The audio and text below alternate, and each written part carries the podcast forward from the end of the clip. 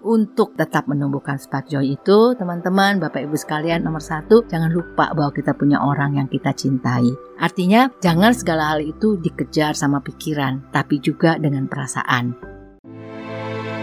Ngobrol dan cerita di anyaman jiwa yuk. Tenang, kamu gak sendiri kok.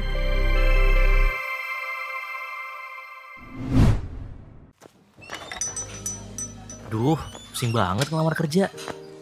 Woi, apa kabar lu? Lah, muka lu kok kusut banget sih? Lagi kenapa? Mumet banget nih gue lagi nganggur 3 bulan.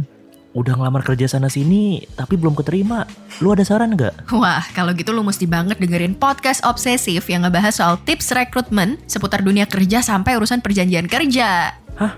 Beneran? Beneran dong, podcast obsesif season kelima ini pas banget kolaborasi bareng HRD Bacot dan SSAJ and Associates. Jadi pasti cocok banget deh buat fresh graduates yang pengen dapet tips sukses masuk dunia profesional kayak kita ini. Buat kamu, para fresh graduates yang pengen tahu serba-serbi dunia kerja profesional, serta hak dan kewajiban karyawan dan perusahaan, yuk dengerin podcast Obsesif, persembahan Medio by KG Media. Tiap Kamis dan Minggu, hanya di Spotify. Medio, senior cerdas tanpa batas. Halo pendengar Anyaman Jiwa, saya Dr. Anda Astrid Regina Sapii, psikolog klinis dan CEO Dear Astrid.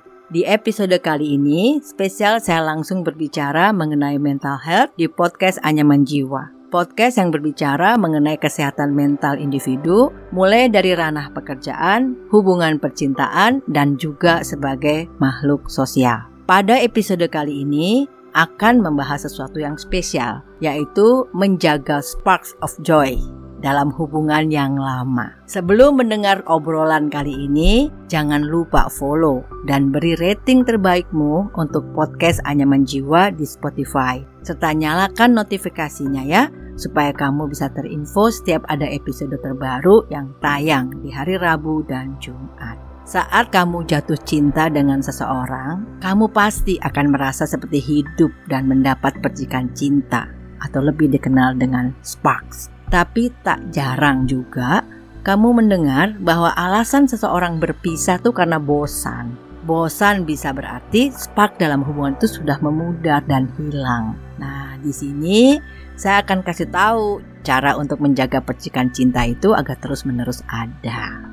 Spark joy adalah hal yang penting dalam suatu hubungan, ya. Karena dengan adanya spark joy itu kita akan terus berada dalam rasa yang bahagia. Nah, tapi teman-teman perlu mengetahui dulu dari mana sih rasa itu muncul, spark joy itu muncul. Kalau dua orang itu saling berhubungan, dan mereka saling tertarik, maka ada hormon cinta yang bergerak di dalam diri mereka. Nah, hormon cinta ini kalau dua-duanya saling tertarik itu ada pada dua-duanya. Namanya hormon oksitoksin. Nah, si hormon oksitoksin ini pada saat bekerja akan menyebabkan kedua belah pihak itu ingin saling menyenangkan dan satu memberikan kebahagiaan yang satunya membalas. Maka dibalas lagi dengan kebahagiaan, satu balas lagi. Nah, ini sebabnya dikatakan sebagai sparks joy. Dan itu sangat menarik karena berarti hubungannya ini kan isinya adalah balasan-balasan kebahagiaan atau kebahagiaan-kebahagiaan, kesenangan-kesenangan, kecintaan-kecintaan yang saling menyenangkan, yang saling timbal balik. Nah, tentu saja itu menjadi hal penting dalam hubungan. Nah, tapi teman-teman sayangnya si hormon oksitoksin ini umurnya nggak seumur hidup sayangnya.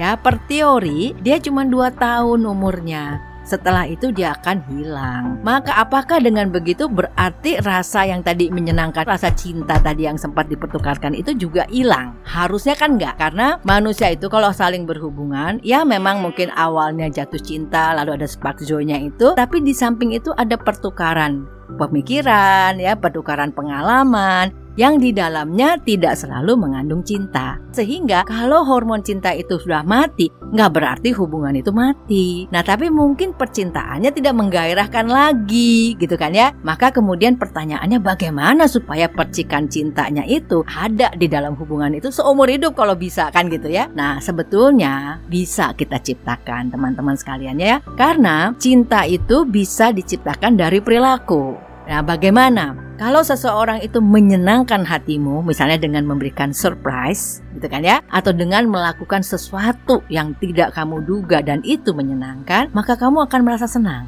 Ya maka cinta kamu tuh akan muncul lagi kan gitu. Nah, jadi kalau sebuah hubungan ingin selalu ada percikan cintanya, maka kedua belah pihak harus berada pada posisi waktu hubungan itu di awal hubungan. Artinya bukan yang udah karena udah setahun, lewat dua tahun, tiga tahun udah biasa, rasanya kok nggak ada lagi ya uh, asmaranya. Nah sebetulnya kalau sampai nggak nggak ada lagi asmaranya kan salah kitanya, gitu kan ya? Karena si percikan-percikan itu tidak dimunculkan lagi. Nah bagaimana memunculkannya? Ya kita berdua masing-masing harus berusaha untuk memunculkan seperti waktu jatuh cinta, melakukan hal-hal yang menyenangkan untuk kedua belah pihak. Kedengarannya sangat gampang ya kedengarannya sangat sederhana. Tetapi dalam hubungan sehari-hari itu tidak menjadi sederhana. Karena hubungan sehari-hari tidak melulu soal cinta. Apalagi kalau hubungan itu kemudian terikat di dalam misalnya ikatan perkawinan. Di situ ada kewajiban di situ ada kerjasama yang terus-menerus dibutuhkan agar hubungan ini bisa abadi.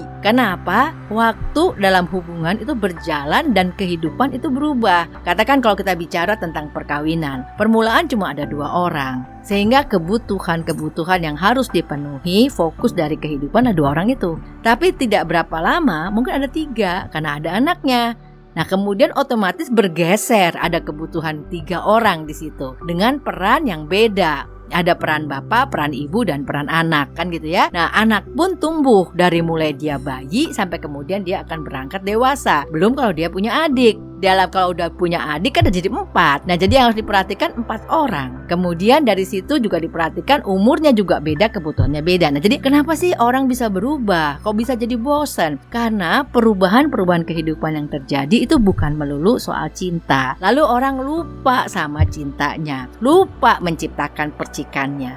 Padahal misalnya kalau seorang suami pada suatu hari iseng-iseng mampir di toko bunga misalnya ya bawa bunga setangkai aja buat istrinya. Terus waktu dia pulang sampai rumah misalnya istrinya katakan ibu rumah tangga biasa dikasih bunga aja. Senang kan? Pasti kan aduh bapak romantis kasih bunga gitu kan? Artinya apa? Di sini artinya kalau ingin menumbuhkan percikan-percikan itu dan tidak bosan, kita harus terus-menerus fokus kepada apa sih yang akan menyenangkan pasanganku, anakku kalau sudah punya anak ya. Apa yang akan menyenangkan mereka semua. Jadi pikiran adalah selalu kepada kesenangan orang lain. Kenapa? Kenapa begitu?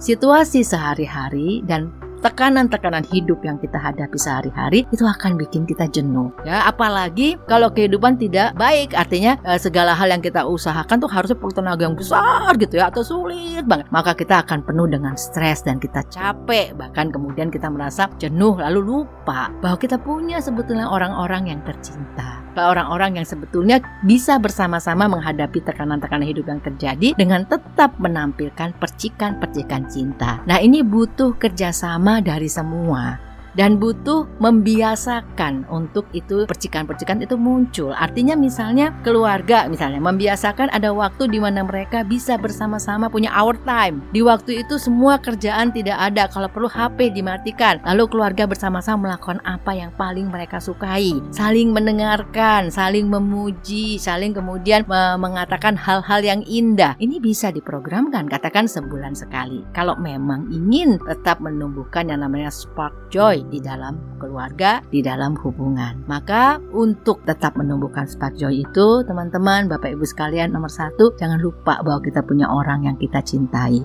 Artinya, jangan segala hal itu dikejar sama pikiran, tapi juga dengan perasaan. Dengan kelembutan perasaan, kita mencoba untuk berjalan dalam semua tekanan hidup, percaya bahwa orang-orang di sekitar kita itu, orang-orang terdekat kita itu masih bisa dengan kita juga saling berbagi cinta, saling berbagi kesenangan, saling berbagi kebahagiaan, saling memuji, saling mengapresiasi, sehingga kehidupan akan tetap menyenangkan. Sehingga spark joy itu akan tetap tumbuh di dalam keluarga kita. Terima kasih buat kamu yang sudah mendengar episode Anyaman Jiwa kali ini. Buat kamu yang ingin berbagi cerita tentang kesehatan mental ke saya, boleh banget kirim ke email podcast at kgmedia.id atau bisa DM Instagram at sonora fm92 dan at medio by KG Media. Dengarkan podcast menarik lainnya dari Anyaman Jiwa di Spotify. Saya, Dr. Anda Asitegina Sapii, psikolog klinis dan CEO Dear Astrid, pamit.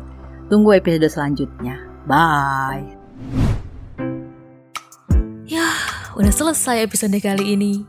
Tungguin episode Anyaman Jiwa selanjutnya ya.